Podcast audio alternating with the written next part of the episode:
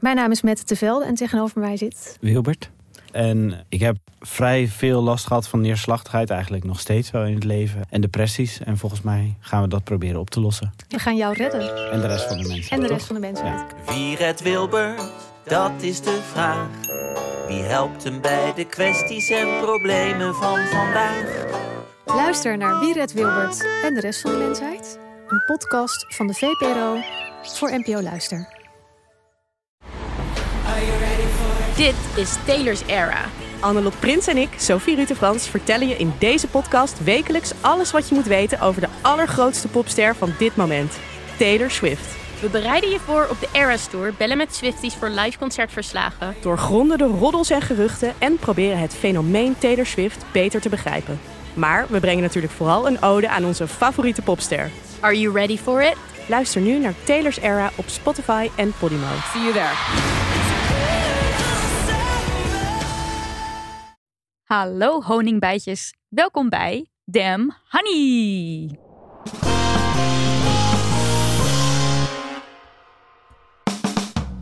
Nog steeds de podcast over shit waar je als vrouw van deze tijd mee moet dealen. Mijn naam is Nidia. En ik ben Marilotte en dit is aflevering 95, deel B.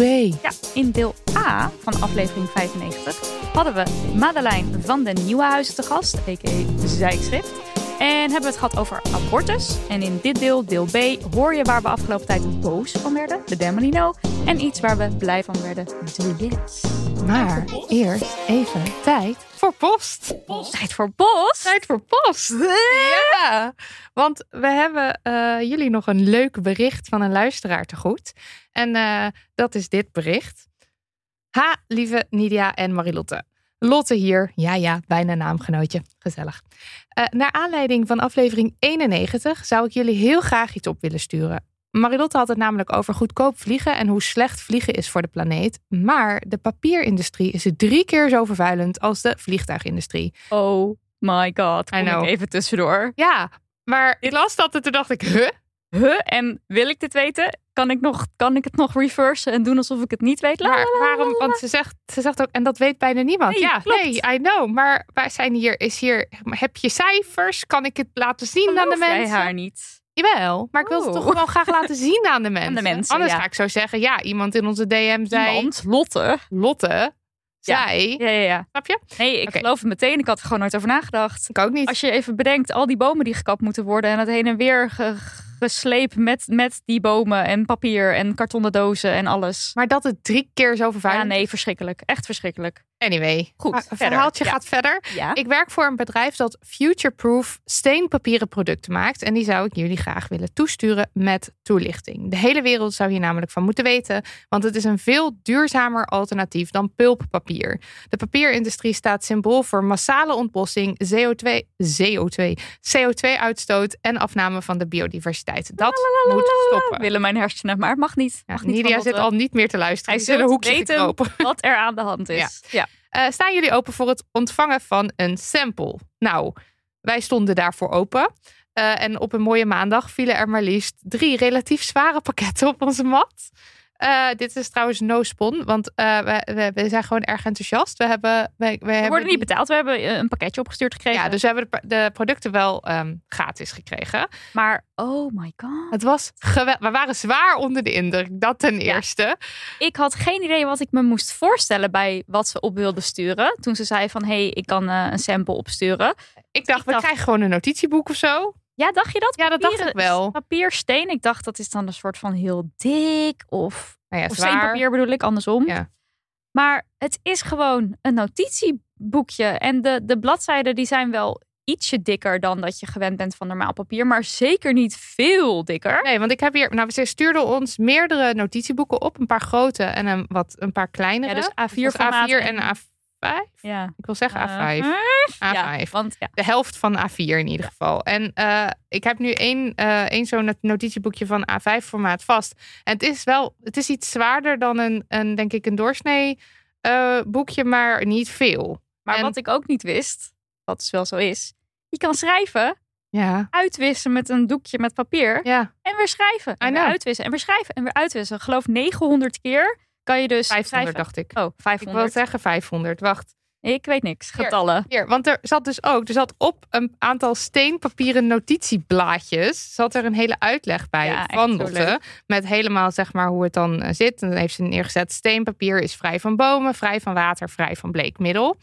En eh, dan staat er, bovendien is elk steenpapieren vel 500 keer te hergebruiken. 900 keer. Ja. Hebben ze dat getest? 500? Ik denk dat je het wel 900 Nou, keer laten we ergens in het midden houden. We denken 750 keer. Ehm, dankzij Friction Ink. Dat is dan speciale inkt. Had er ook allemaal, allemaal eh, speciale pennen bij gedaan. En dan krijg je er ook bij als je het koopt. Ja. En eh, eh, nou ja, Maar weer- wapper is er mee voor de microfoon, want dan kan je horen.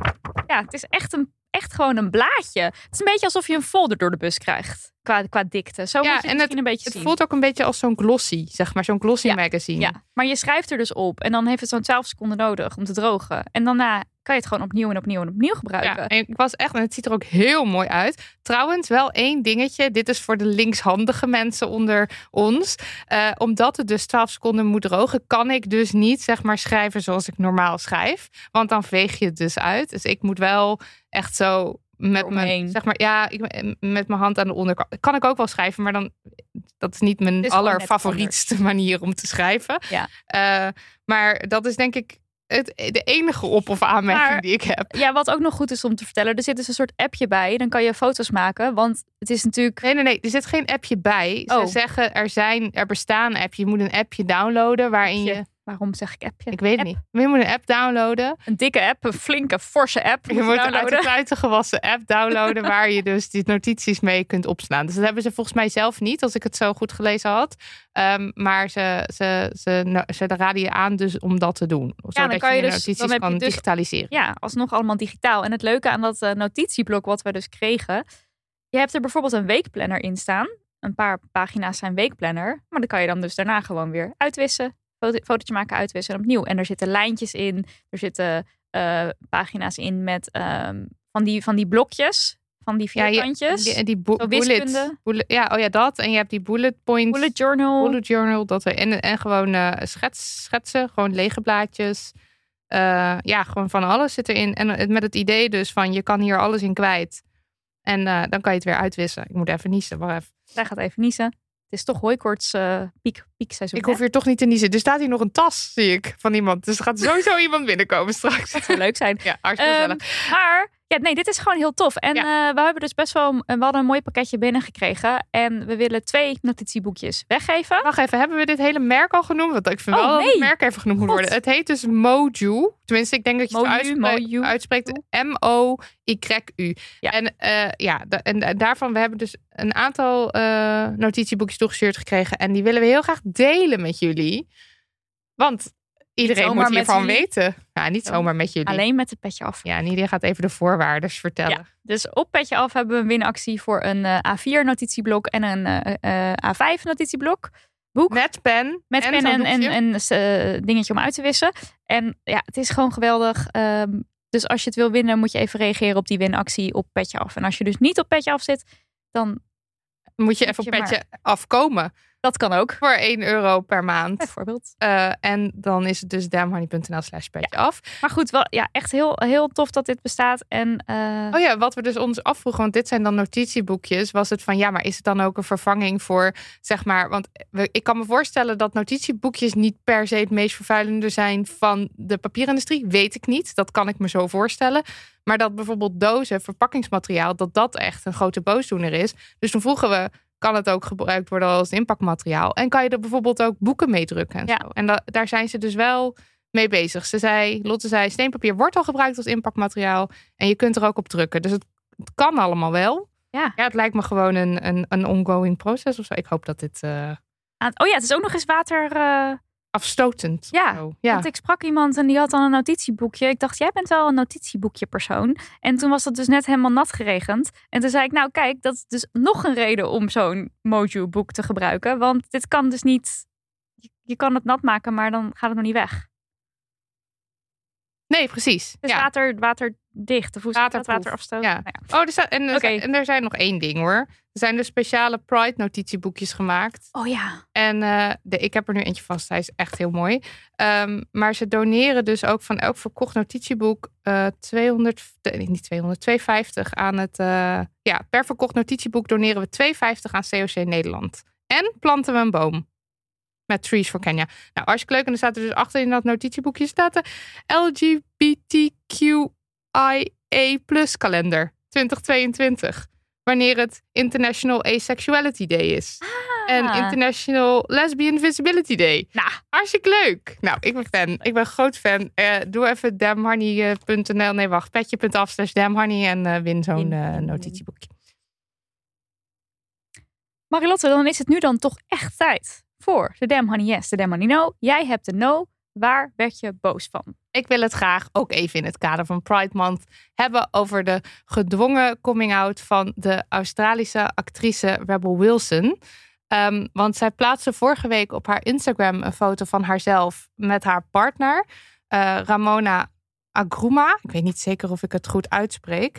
Eh, in ieder geval, zij is een vrouw. Dus eh, eh, Rebel heeft nu een vriendin. En eh, de tekst die eronder stond was... I thought I was searching for a Disney prince... but maybe what I really needed all this time... was a Disney princess. Hashtag love is love.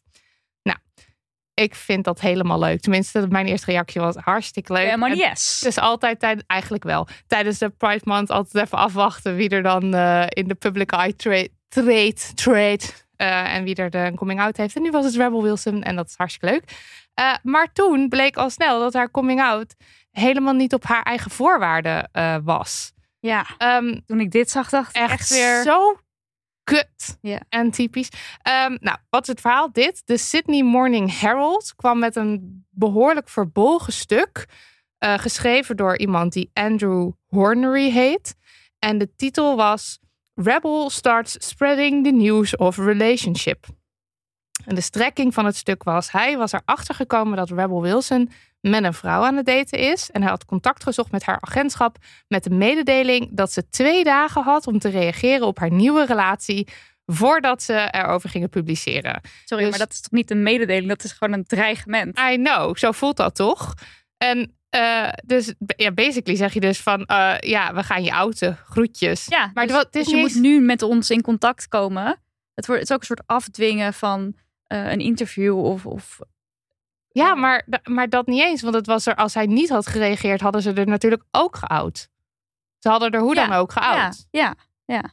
En eh, dit deden ze dan zogenaamd, zeg maar, het was heel erg, er stond zo van, ja, we hebben haar twee dagen gegeven, out of caution and respect. Zo lief. En Omdat we weten dat de wereld voor LHBTI'ers gewoon nog niet is zoals die zou moeten zijn. Dus gaven we haar twee dagen.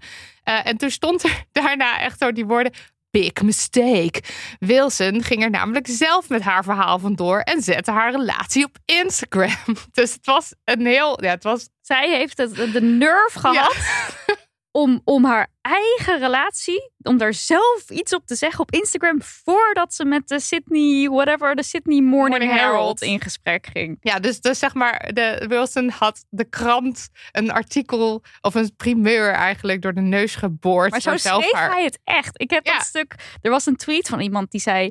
Oké, ik heb dit nu drie, vier keer gelezen. Staat hier nou echt wat ik denk dat er staat? Ja. Toen heb ik het vervolgens ook drie, vier keer gelezen om Maar hoe vaker, staat hier echt wat ik denk dat er staat. hoe vaker je het las, hoe meer kutte dingen erin zaten. Want het was ook zo van. eh, ja, en ze had hier geen problemen mee toen ze nog een eh, hunky boyfriend had. En toen vond ze het geen probleem om hem off te showen. En weet je, gewoon. Ja. heel erg verwijtend naar haar toe. Eh, maar what the fuck, want het is haar gewoon goed recht om op haar, tenminste om zelf haar relatie bekend te maken. En waarschijnlijk, of misschien, was ze er nog helemaal niet klaar voor. Dit was gewoon echt omdat die krant met, eh, met, haar, met, met, nou, ja, met een dreigement kwam. Ja. En ehm, ja, ze had blijkbaar ook al een keertje geklaagd over slechte journalistiek of zo. Dus Bij de Sydney Morning Herald. ja, of überhaupt misschien in het, Het algemeen. algemeen, Ik weet niet precies wat, eh, wat maar daar, daar had ze al een keer over geklaagd. Dus nu hadden zij het goed aangepakt met Oh. wederhoor. En nou, het, het was gewoon, nou, ik kon er niet over uit. Ik heb dat stuk, ik heb het ook gescreenshot. Het is nu offline gehaald, Ja. gelukkig. Maar het was, het was een heel naar ding. Ehm, dus deze fucking krant gaf in 2022 Rebel Wilson een deadline om, om geout te worden, zeg maar. Maar je oud iemand niet. Dat Nee. kun je niet doen. Dat, Nee. is, dat is. En deze Andrew Hornery is zelf openlijk gay. Wat ik eigenlijk dus nog het bizarder vind. Want dan, dan ben je toch gevoeliger voor dit soort situaties. Ook ja, je blijkbaar zou niet. hopen dat je dan vanuit je eigen community weet dat dit niet oké, dat dat gewoon een van de basisregels is van je oud niet iemand anders, dat dat gewoon onderdeel is van je kennis. Maar Ja. dat zou je hopen van elke journalist Ja, en, en, misschien inderdaad extra als je zelf gay bent. Ja, maar ik- ik- ja, uit het stuk bleek al wel, want er werd een paar keer iets geschreven van. eh, ja, tegenwoordig eh, hebben, eh, heb, je het, heb je het goed als gay of als queer of zo. En nu hoeven we daar niet meer geheimzinnig over te doen. Zoiets stond er ook Oh, wel. ja. Zeg maar Hij had voor een ander bedacht van voor mij, ik vind het allemaal prima Ja. en dus moet het voor een ander ook allemaal maar prima zijn. om, Ja. En dat is, dat is gewoon het hele ding. En coming out is voor iedereen anders. Ja. Het is echt, ja, misschien is het voor jou, hoi, ik ben lesbisch. En dat iemand zegt, oh, leuk.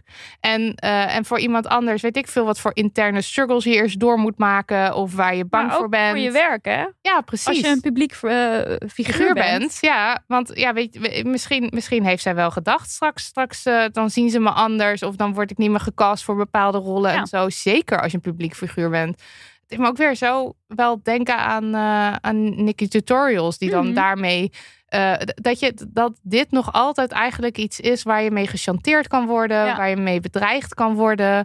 Eh, de- op het moment dat dat zo is, is de wereld dus nog niet oké voor, voor queer mensen. Ja. En dus doe Ja, je omdat dit er gewoon gewoon niet. nog heel veel discriminatie is. niet de arbeidsmarkt die opeens anders naar je kijkt. Die je niet gaat aannemen. Of noem het maar op. Het Ja. is gewoon echt aan de hand. Dus Ja. ja. En het is dus, nou, eh, de- er was nog een, een reactie in eerste instantie van de krant, wat niet excuses waren. Oh, dat was een eerste, nood, eerste noodgreep. Ja, dat van- denk ik. Want kijk, volgens mij is daarna het stuk offline gehaald. Maar, en ik weet dus niet of ze echt een excuus hebben aangeboden. Maar de eerste reactie was dus een soort, ja, maar als Rebel met een man had gedate, hadden we precies dezelfde vragen gesteld. Het is helemaal niet, eh, het, er is hier geen sprake van eh, iemand outen. Maar ja, dat kan wel zo zijn. Ehm, maar bij het ene stuk is Rebel gewoon aan het daten met iemand nieuw. En in het andere stuk is Rebel opeens queer. Ja. Dus dat, daar hangen veel meer consequenties aan Het is vast. niet En- alleen een nieuwe partner. Het is meer dan dat. ja, en, En- en jij als krant, je weet gewoon niet, je kan niet voor iemand anders invullen welke consequenties dat zijn. Nee. Dus je hebt daar gewoon niks mee te doen. Je hebt daar je handen van af te houden. Ja, er stond ook iets van eh, kranten. eh, in Hollywood hoef je heus niet te vrezen voor consequenties. stond allemaal in dat stuk. Dat stuk was echt naar. Ja.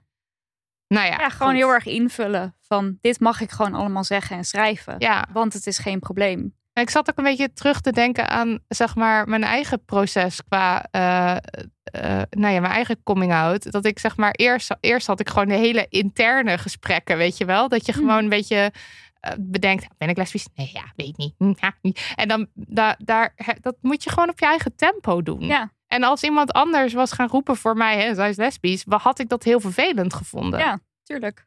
Dus ja, Ook richting je omgeving aan wie je het misschien nog niet zelf verteld hebt. Omdat je het niet wilde vertellen. Of misschien omdat het er gewoon nog niet van gekomen is. Ja, en, en geef mensen gewoon de kans om dat zelf te doen. Ja. Ik weet ook weer zo typisch dat het nou weer een fucking Pride Month.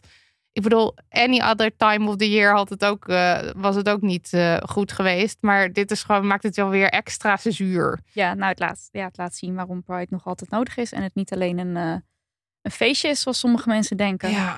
Maar dit is dus ook, dit was nog even wat ik, ik, ik was net nog even aan het inlezen op die krant. Maar deze krant heeft ook best wel een nare geschiedenis eigenlijk. Want in 1978 was er een, in Australië, volgens mij in Sydney, een, een Mardi Gras lesbian gay parade. Zoiets was het. Ja, En toen, eh, daar was, die was op zich wel eh, goedgekeurd. De- Die mocht, die was legaal. Maar toen is die eh, parade toch neergeslagen. Op een gegeven moment door de politie. En er zijn ook mensen gearresteerd. ja. En ehm, toen heeft deze krant heeft van de mensen die gearresteerd waren alle namen en adressen en volgens mij ook occupationswerk Oh. bekendgemaakt. Waardoor zij dus echt hele nare eh, te maken hebben gekregen met, met echt Bedreigingen. bedreigingen, discriminatie. Ja. Gewoon echt een hele leven werd daardoor getekend. Daar hebben ze in 2016 hebben ze daar excuses voor gemaakt. Mhm. En nu, wat is het, zes jaar later, hoi, Rebel Wilson, eh, dit, is, dit staat weer zo. Ugh. Ja. Bah. Nou, Bah.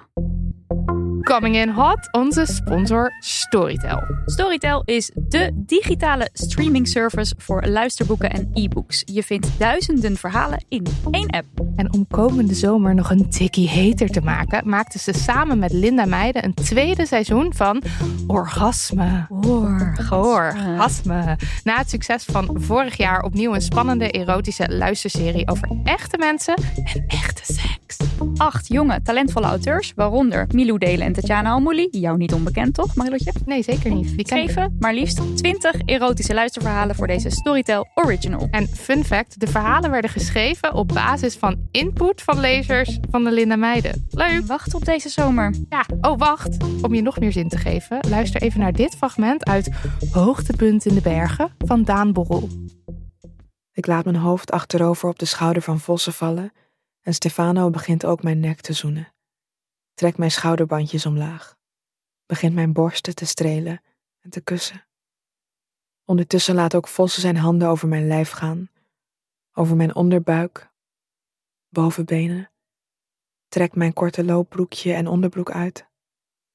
Beweegt langzaam met zijn vingers naar mijn vulva, maar raakt de hele tijd net niet mijn clitoris aan. Als de Italiaan zich verder met zijn hoofd naar beneden beweegt om mij te gaan likken, terwijl ik in de armen van Vossen lig die me gulzig begint te tongen, trek ik mezelf uit de constellatie. Als dit zo doorgaat, kom ik al binnen één minuut klaar. Ik lach verontschuldigend terwijl ik me naakt uit een omarming verwijder, merk op dat zij nog geen kleding uit hebben getrokken en zeg: Someone else's turn.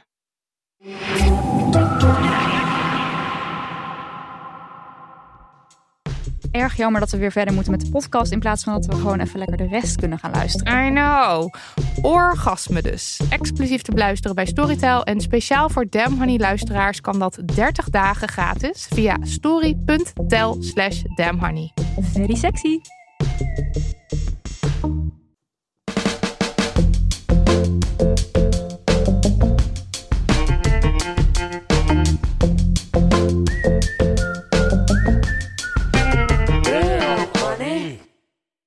Niet. Niet. Maak me even blij.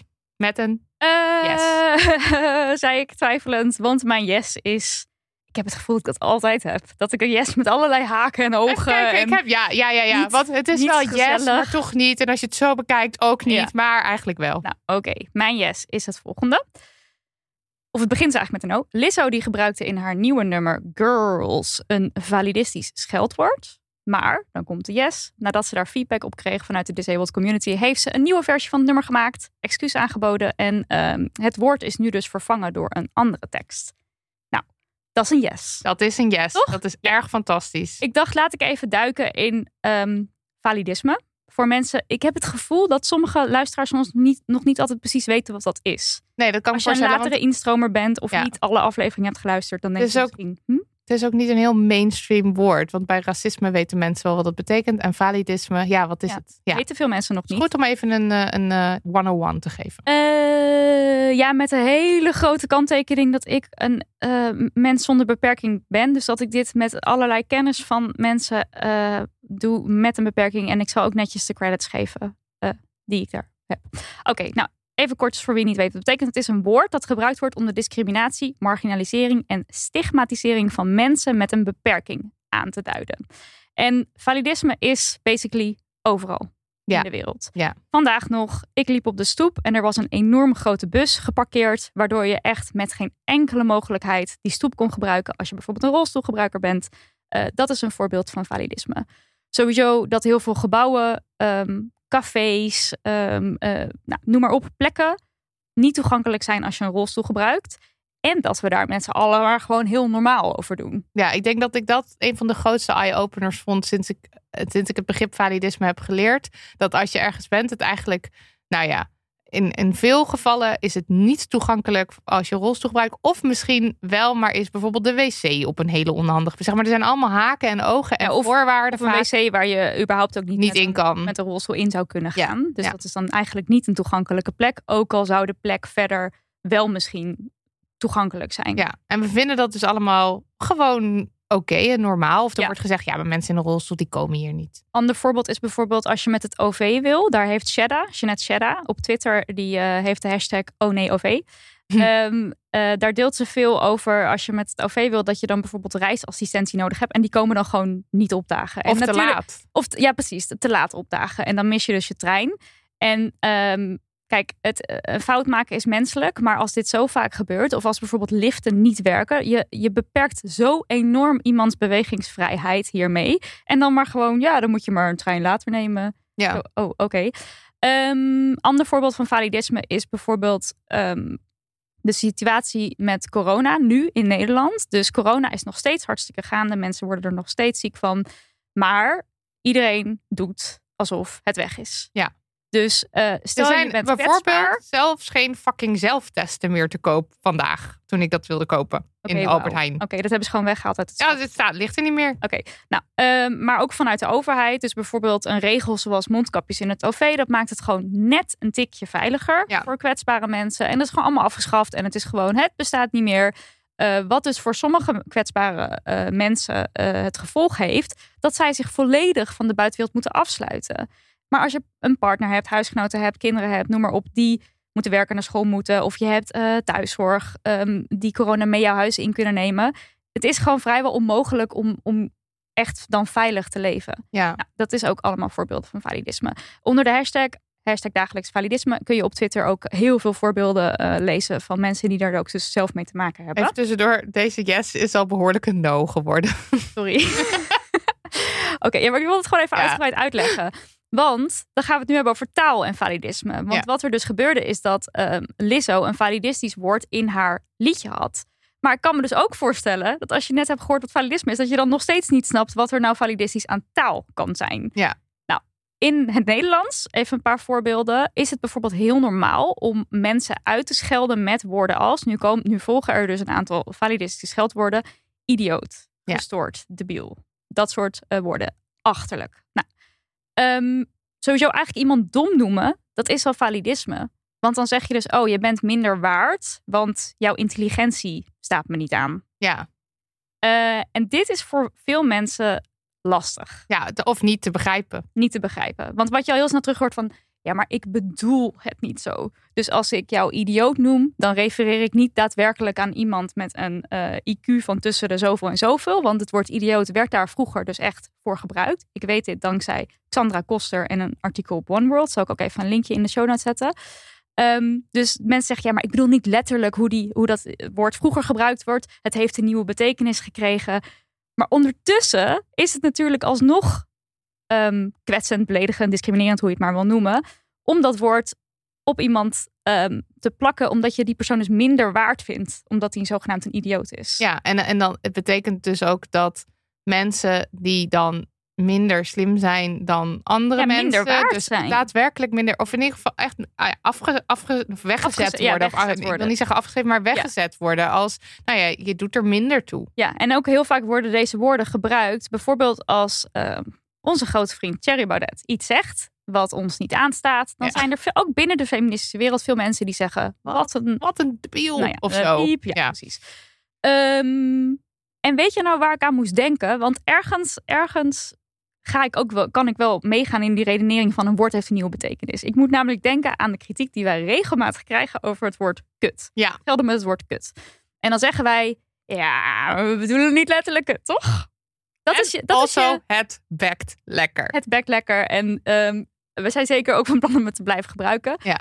Eh, maar een heel goed voorbeeld, wat het volgens mij goed in een soort nou, context plaatst, vind ik ehm, de documentaire Pisnicht van Nicolas Vul. Weet je Mhm. dat nog? Zeker. Daarin zat een fragment, wat me altijd is bijgebleven. Dan gaat hij met voetballers praten in een kleedkamer. En dan hebben ze het over eh, elkaar uitschelden met homo. En een van die jongens, die zegt dan het volgende. Het heeft geen betekenis meer volgens mij. Het is net als wanneer je shit zegt of kut. Het is niet dat je dan denkt wat een hoop stond of een poesie, zeg maar. Als een training niet scherp is en ze geven niet volle bak, dan kan je wel zeggen van godverdomme, jullie lopen te voetballen als een stelletje homo's. Het is gewoon een synoniem geworden voor zwak. Homo is niet dat ik bedoel dat jullie homo zijn. Het is meer van jullie zijn zwakke gasten. Het is eigenlijk een heel andere lading. Het is een heel andere betekenis geworden in ons woordgebruik. Maar ik denk in heel Nederland eigenlijk wel. Dus die jongen, die, die denkt dus van, huh, maar homo, dan bedoel ik helemaal niet homo. Ik bedoel gewoon zwakke gasten.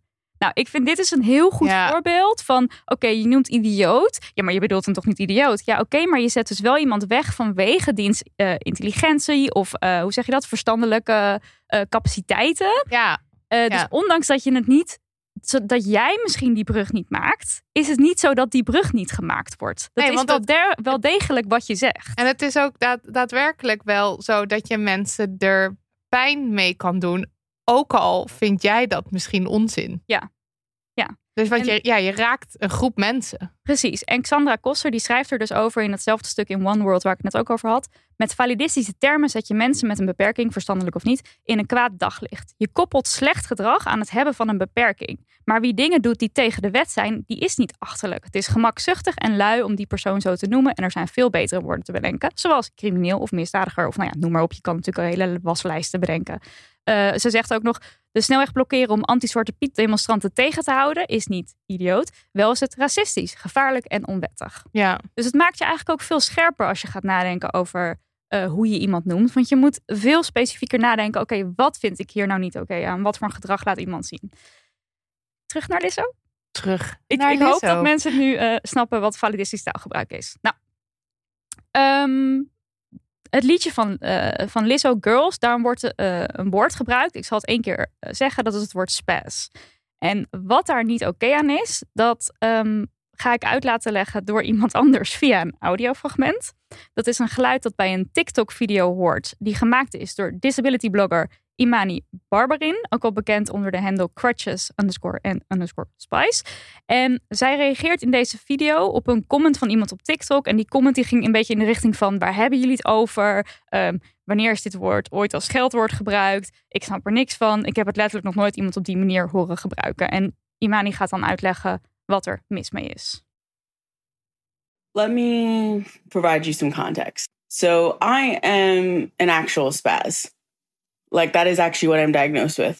I am diagnosed with spastic diplegic cerebral palsy, meaning spasms are a part of my diagnosis. I spasm sometimes so bad that I get nauseous and vomit. I am in so much pain that I can't sleep if I'm in a really bad spasm. I have watched on multiple occasions without my will or without my brain signaling it to, my leg twist out of place within its socket and stay there for hours because of a spasm. So many people use diagnoses as shorthands for behavior that is out of place or wild or incomprehensible. Words like lame, stupid, or dumb all used to refer to disabled people.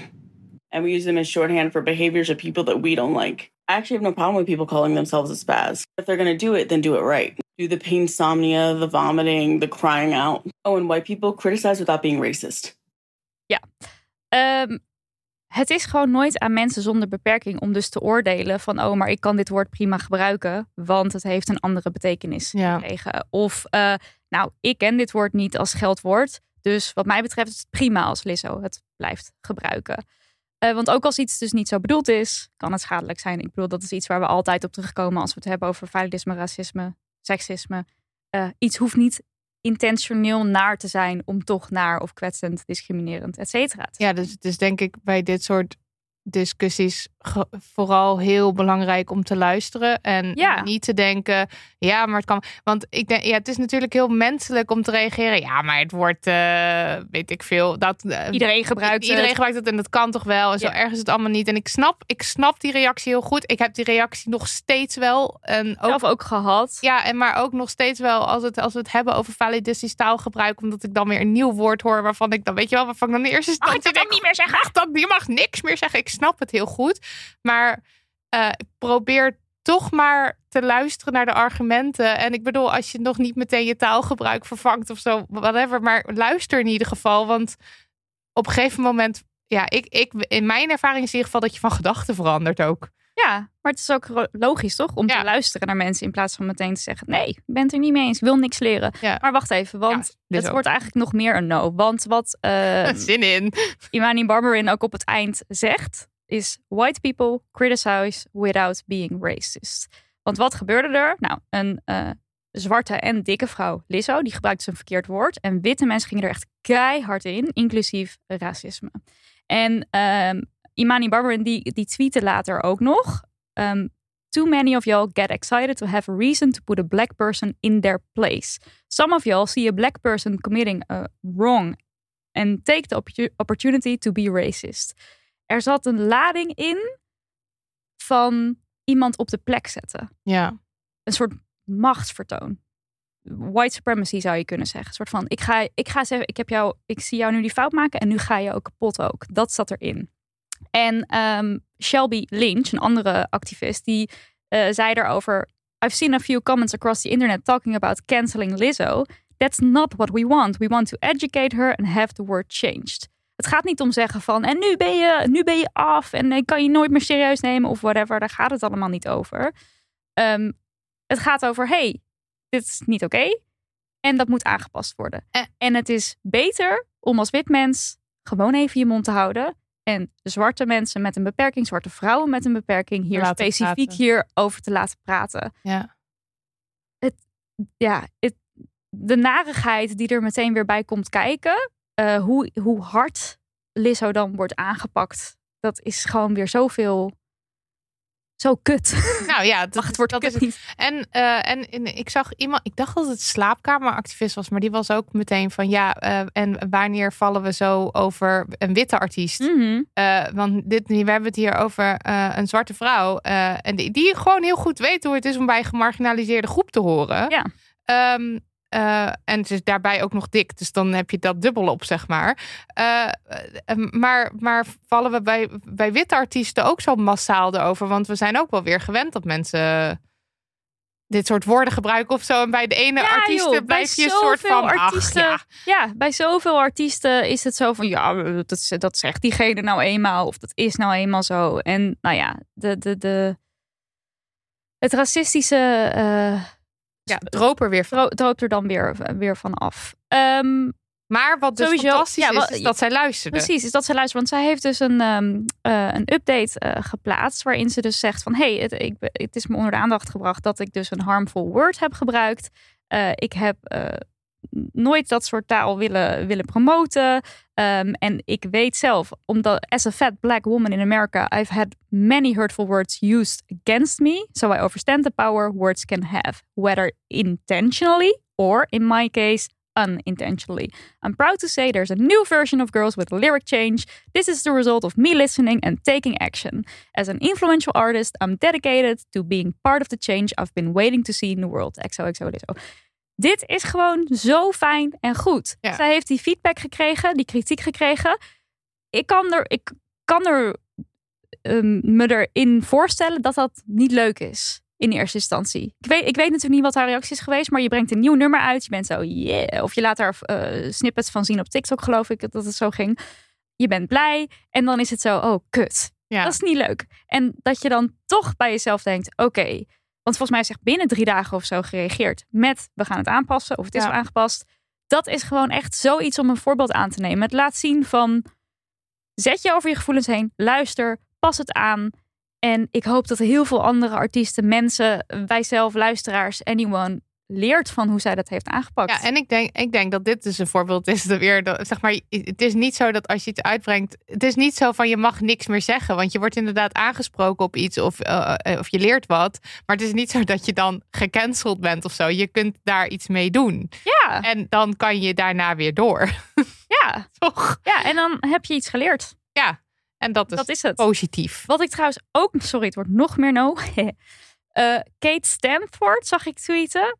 Ehm, Lizzo put slur word in song. Disabled community speak out uh, to get it removed. TikTok, you know what we'll do to manage this. Silence, remove as many disabled creators videos about it as possible. Echt?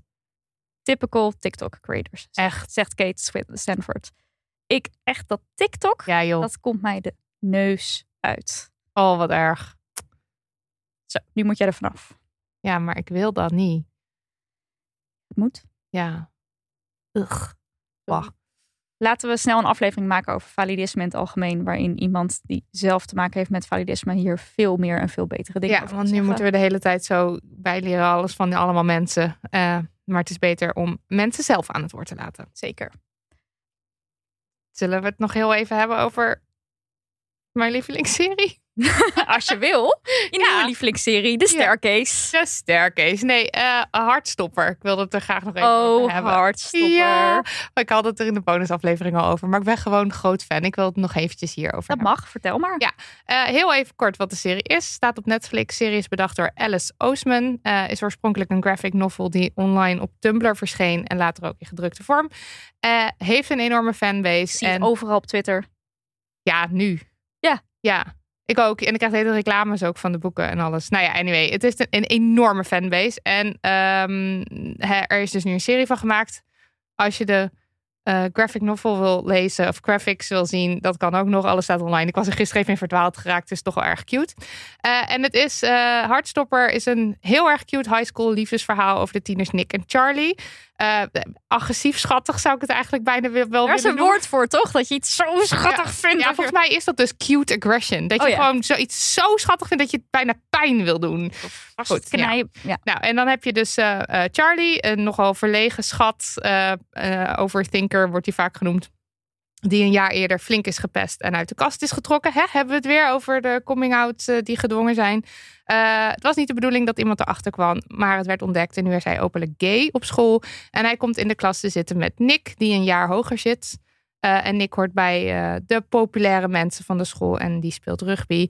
En nou ja, ze worden in acht afleveringen hartstikke verliefd. En het is het meest wholesome verhaal wat ik ooit heb gezien. En daarbij zijn ze ook nog eens omringd en worden ze ondersteund door een geweldige queer vriendengroep waar ik eh, helemaal verliefd op ben. En eh, ja, in de, in de wereld waar ze leven, het is een realistische wereld. Er is wel homofobie en narigheid. Maar, eh, en waar ze mee moeten de- dealen. Maar ze hebben heel erg elkaar. En ze hebben heel erg, nou ja, je wil gewoon als kijker wil je bij die groep horen. Zij, Ja. zijn, de, zij zijn de coole mensen. En je denkt gewoon de hele tijd, oh. Ehm, en ik heb dit, deze serie inmiddels vier keer van begin tot eind. Ja. Heel goed. En het is een beetje extreem. Ik ben sowieso vrij extreem daarin. Als ik ergens fan van ben, ook van een Luid liedje, je is het echt repeat, repeat, repeat. Ehm, maar zeg, ik eh, had er een beetje een gevoel bij wat ik niet zo goed thuis kon brengen. Want aan de ene kant was het zeg maar, mijn hart explodeerde en ik had al de feels en het was zo geweldig en ik wilde iedereen vertellen om het te gaan kijken. Maar ik had dus ook oprecht een beetje hartenzeer. Of Mhm. een soort van, ik werd er ook wel weer een beetje sad van. En ik kon dat niet zo goed plaatsen. Maar ik zat gisteren dus met eh, Titia Hogendoorn, jullie wel bekend, eh, te praten. En zij vertelde me dat ik dus niet de enige ben met die gevoelens. Want blijkbaar heeft een hele berg queers dit. En het heet Phantom Nostalgia. Oh, Nou, ik dacht helemaal, ik ben het gaan googlen. Ehm, en het is basically dit, namelijk terugverlangen naar een tijd die je helemaal niet hebt meegemaakt. Want je kijkt dus naar tieners en het is op een bepaalde manier heel herkenbaar, want je ziet de kluisjes en de school en de dinges. Maar ehm, dit was niet hoe het was. het queer aspect. Ja, en dit, zeg maar, zo ging het niet. En eh, dan kan het voor mensen bijvoorbeeld zijn omdat ze diep in de kast zaten, omdat ze zich schaamden, omdat ze gepest werden. En dat, dat wholesome verhaal en hoe herkenbaar die setting ook is, je hebt het nooit meegemaakt, want het was niet voor je weggelegd, want zo was het gewoon niet. Zo was de Mm. wereld niet. En ik ben dus denk ik al drie weken toch een beetje sad voor mezelf. Dat zij, dat zeg maar mijn tiener zelf... Tiener Marilotte die heeft dit niet mee. Die heeft niet die, die overwhelming eh, tienerliefde op deze manier Nee, maar ze had ook niet die serie. En, nee, en dat op had je het eigenlijk niet. Ja, en ik was helemaal verloren in van die hetero-romcoms. En ik, ik vraag me dus oprecht af, als dit er was, als dit soort series er waren... en als queer relaties in deze series ook echt werden opgehemeld... en werden neergezet als iets, iets moois en iets normaals en iets niet problematisch... Ja. dan, ja, ik vraag me af of ik dan eerder had uitgevogeld of ik lesbisch ben. Want een mens kan gewoon een lesbian awakening hebben... En ik heb het gevoel dat ik gewoon heel veel van die boodschappen nodig had om daarachter te komen. Want het Ja. heeft gewoon ook heel lang geduurd. En voor andere mensen is dat natuurlijk anders. Ja. Ja, dus ja, nou ja, niemand op mijn school was, was, was openlijk gay of queer. En ik had geen voorbeelden. En ik nam het niet als een serieuze optie. En wat nou als die series er wel waren Ja. geweest? Dus ja, ik heb gewoon een heel sterk what-if gevoel waar ik gewoon een beetje treurig van word. Ja. En tegelijkertijd ben ik dus ook heel erg blij dat de serie er nu is voor alle jonge queertjes. En ook Mhm. voor De mezelf wel eigenlijk. Ja, liever laat dan, eh, dan nooit, denk ik. En eh, nou ja, fijn ook dat het zo ongecompliceerd is. En dat er eh trans representatie in zit. En lesbian representatie en bi representatie. Ehm, nou ja, warme deken van cuteness. Het is gewoon nog een Demonies die erachteraan gooit. ik gooi die er gewoon even Een volle Demonies, geloof ik. dus nog een of heb je nog wat aan? Nee, Op- nou, om, het, om het allemaal nog even wat jesseriger te maken Ja, nog. ehm, is eh, dat in Engeland afgelopen maandag eh, was er een debat over ehm, het, hoe noem je dat? Het verbieden van ehm, conversietherapie. Eh, dat, dat je dus niet eh, mensen mag dwingen om zeg maar hun seksualiteit te genezen. Hmm. Ehm, maar grote aanhalingstekens. ja, genezen. Genezen, dat, ja. kan, dat kan niet en dat is onzin.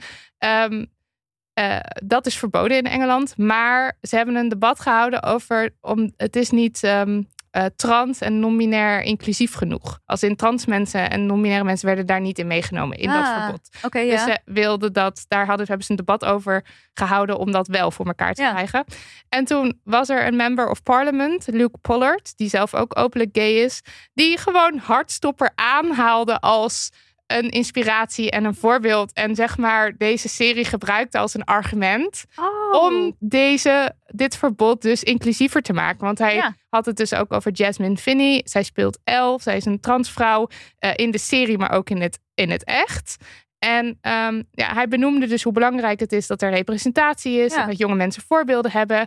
Dat jonge mensen LHBTI'ers op het witte doek kunnen zien. En dat het levens redt. En, eh, en, en, en de context daarin was dus dat hij heel graag wilde dat dit verbod inclusief werd. Ik vond het gewoon zo lief. Ja, nou ja, goed dat het ook zo, eh, dat het ook dit soort eh, Ja. dingen met zich meebrengt. En is dat dan ook dat verbod, is dat verruimd? Of Nou, Weet dat weet ik niet? dus niet. Oh, Maar ik zal daar eventjes in duiken. Maar hij eindigde zijn, zijn speech in ieder geval met... Let's make sure that we say to young LGBT people, to trans and non-binary people... that they are enough, that they will listen to them... and that we value them.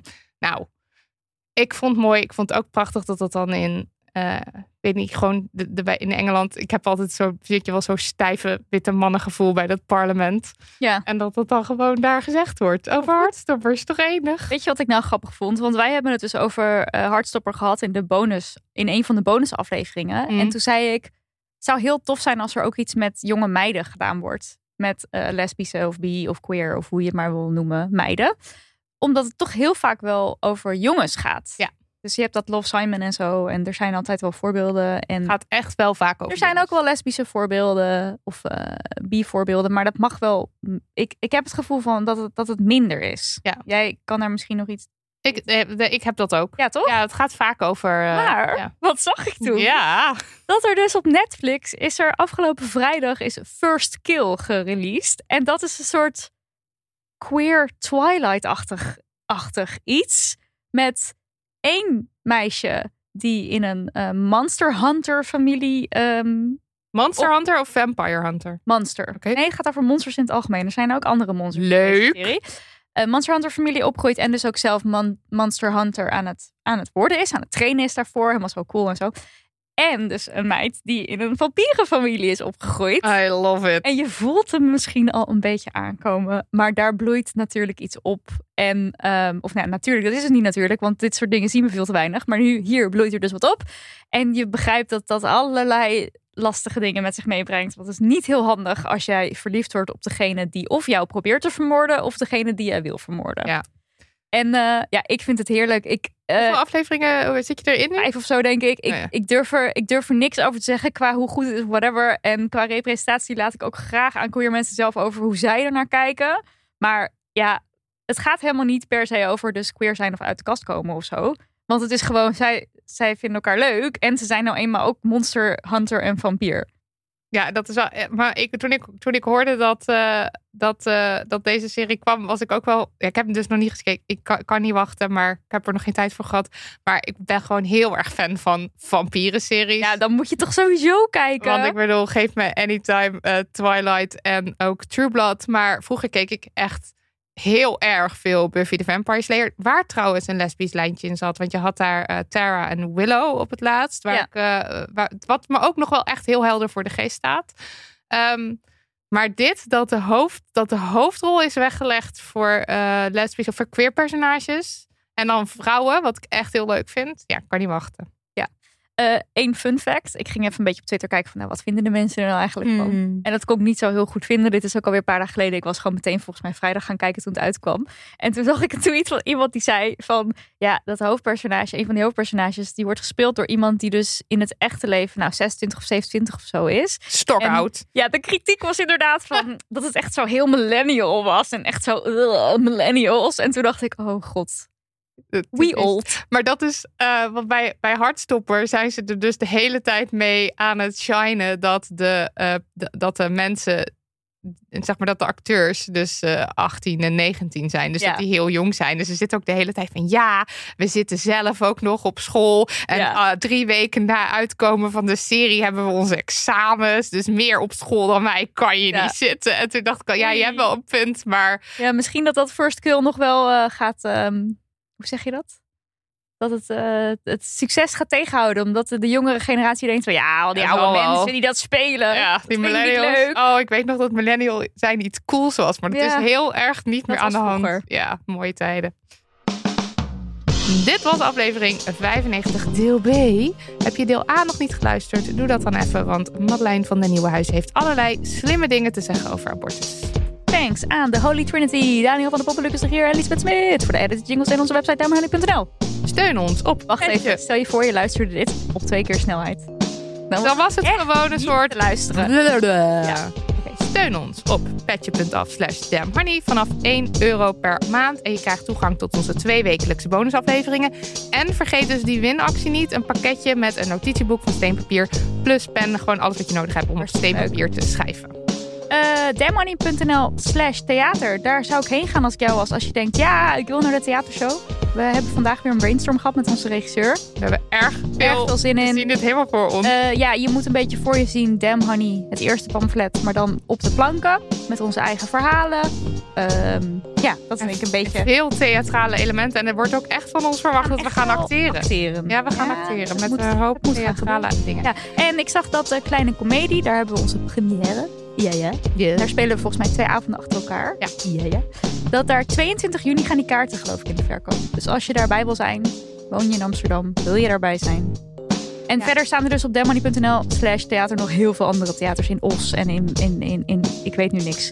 Help, Os en, en, en Steenwijk. Ede. En eh, Ede en Arnhem en Woerden. Nou, Ja, kijk maar op. eventjes wat je maar doet. En, eh, maar eh, even een tip voor de Utrechters onder deze eh, luisteraars. Die oh ja, zaal, Utrecht die is echt bijna uitverkocht. ja, want er, we zijn geboekt in niet zo'n heel groot zaaltje. En dat is, zit bijna vol. Dus ik zou zeggen, grijp je kans. Ehm, of grijp je kans niet. Vergeet het lekker allemaal. Ga lekker gewoon in de zon zitten. Maar ik luister dit s'nachts, Marilotte. Dan kan ik niet in de zon Ga lekker zitten. onder de maan zitten. Zelf weten. Doei.